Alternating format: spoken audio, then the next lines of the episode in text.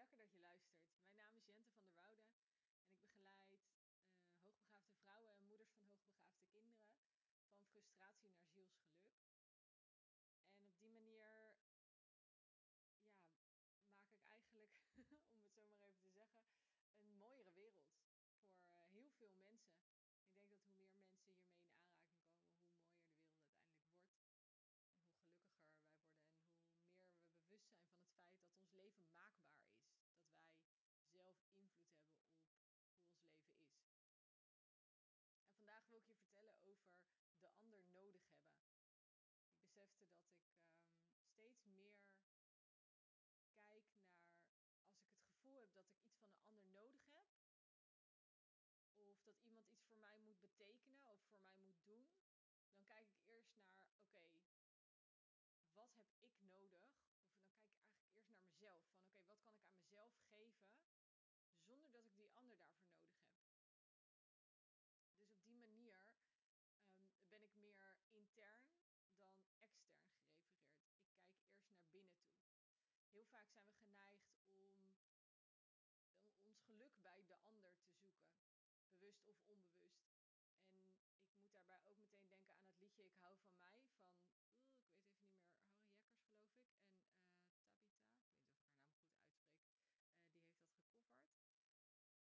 En uh, Tabita, ik weet niet of ik haar naam goed uitspreek, uh, die heeft dat gecoverd. En zij zeggen ook dat veel mensen zeggen van, ik, ik hou van jou, hier heb je mijn problemen, los maar op. Dat dat uh, vaak de reden is dat mensen ik hou van jou zeggen. Nou, zo letterlijk wil ik hem niet zeggen, maar uh, voor mijn gevoel is het wel vaak dat we um, op een ander, to rely on another, op een ander vertrouwen dat die onze shit gaat oplossen. En zo werkt het natuurlijk niet, want we, we moeten uiteindelijk onze eigen shit oplossen. Um, dus ik kijk steeds vaker naar, hey, ik, ik vind dat een ander iets voor mij moet doen. Of ik had verwacht dat een ander dit of dat ik, ik zou het fijn vinden als iemand um, iets doet. Dan kijk ik naar, oké, okay, waar kan ik dit aan mezelf geven zonder dat ik de ander daarvoor nodig heb? En welk stuk in mezelf zie ik nog niet? En daarbij is het voor mij altijd wel belangrijk om te voelen, is het stuk, uh, ik doe het allemaal zelf wel, vanuit een soort um, ego die denkt, oh ik moet het allemaal in mijn eentje doen, dus ik doe het allemaal zelf wel. Of is het, nee, ik ga voor mezelf zorgen en ik kijk wat ik nodig heb. Die twee energieën zijn wel belangrijk om daarbij in de gaten te houden, voor mij in ieder geval, omdat dit voor mij wel een valkuil is. Um, dus in sommige gevallen vraag ik juist om hulp, omdat ik ook niet altijd alles zelf hoef te doen. Maar ik leg het in ieder geval buiten mezelf. Ik maak de ander niet verantwoordelijk voor mijn shit en voor, vooral voor de oplossing ervan. Even een voorbeeldje. Uh, ik reed laatst naar huis vanaf de camping. En onderweg kwam ik langs een afslag die ik had kunnen nemen om naar mijn vader te rijden. En ik voelde toen ik daar voorbij was, dacht ik, shit, ik had die afslag moeten nemen. Toen ben ik even gaan, stil gaan staan op een parkeerplek, want ik merkte dat mijn hoofd een soort van, ik was meer bezig met deze vraag dan met het verkeer. Nou, dat is nooit handig. Dus ik ben even op een parkeerplaats gaan staan langs de snelweg moet ik omkeren of rijd ik door naar mijn eigen huis? En ik voelde dat ik door mocht rijden. Nou, oké, dus ik ben doorgereden. En toen kwam ik langs een afslag uh, die ik had kunnen nemen om naar mijn moeder te rijden. Nou, toen gebeurde weer hetzelfde. Dat ik dacht, oh, ik had eigenlijk die afslag moeten nemen. Dus weer gevoeld, um, ga ik terug of rijd ik naar huis? Uh, nee, ik rijd naar huis, maar ik, ik voelde dus weer die neiging om dat te doen. En toch was er iets wat mij ervan weer hield om daadwerkelijk die afslag te nemen. Dus ik heb dat uh, even onderzocht van wat zat daar nou achter. En ik merkte dat ik um, op zoek was naar iets wat ik dacht dat ik bij mijn ouders ging kunnen vinden.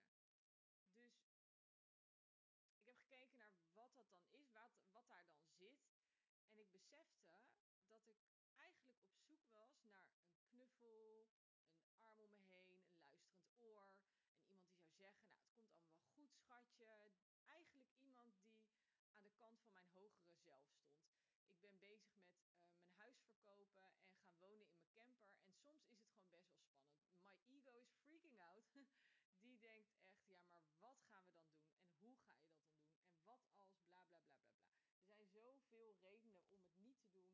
Om de koop af te blazen om, om gewoon hier te blijven wonen. Of in ieder geval gewoon ergens in een huis te gaan wonen in plaats van in die camper. Het is soms gewoon best wel spannend. En mijn hogere zelf, die, die was denk ik op zoek naar even wat steun van, ja, iets of iemand. um, en mijn ego is gewoon af en toe een, een klein meisje wat even gerustgesteld wil worden. En tegelijkertijd voelde ik een angst dat ik bij mijn ouders zou komen, bij een van mijn ouders. En dat die dan de gelegenheid aan zouden grijpen om mij van mijn plannen af te praten. O, dat zij dus de angsten van mijn ego zouden gaan voeden, in plaats van naast mijn hogere zelf te gaan staan.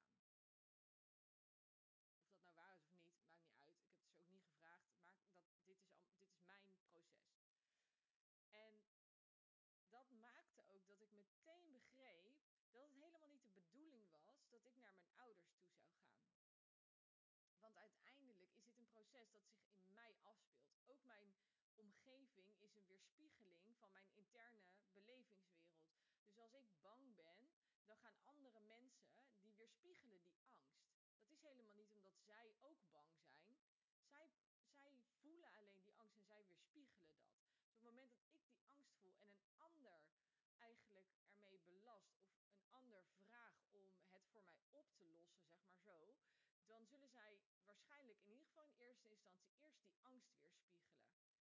En dat maakte dat het dus helemaal niet de bedoeling is dat ik naar mijn ouders toe ging, maar juist dat ik naar binnen toe keerde en juist naar dat stuk in verbinding ging met dat stuk, namelijk mijn hogere zelf, die wel dat vertrouwen heeft en die wel ziet dat het allemaal gaat gebeuren en die wel um, gelooft dat alles goed komt en mezelf eigenlijk die knuffel geven, mijn hogere zelf, mijn ego, dat lieve kleine schattige bange meisje in een hoekje huilend even een knuffel laten geven. Um, in plaats van dat ik dit dus in de buitenwereld zou gaan zoeken. En ik ben heel nieuwsgierig of dit bij jou misschien ook iets naar boven haalt van hé, hey, daar um, geef ik eigenlijk mijn, mijn power weg aan de buitenwereld. Of daar vraag ik andere mensen om iets voor mij te doen, terwijl dat niet het gewenste resultaat gaat opleveren. Omdat zij dus jouw angsten en jouw ego juist spiegelen, in plaats van je je vertrouwen te spiegelen. Daar komt het eigenlijk op neer. En misschien is het wel zo dat als je dit heel bewust aan mensen vraagt, dat, er dan, dat het dan anders is. Maar op het moment dat jij dus onbewust in contact gaat met anderen, dan is dit, denk ik, vaak een uitkomst. En voor mij is het dus een heel mooi inzicht dat ik steeds meer dit soort dingen zelf op mag lossen. Het betekent niet dat ik er geen hulp bij vraag, want hier kan ik dus prima hulp bij vragen.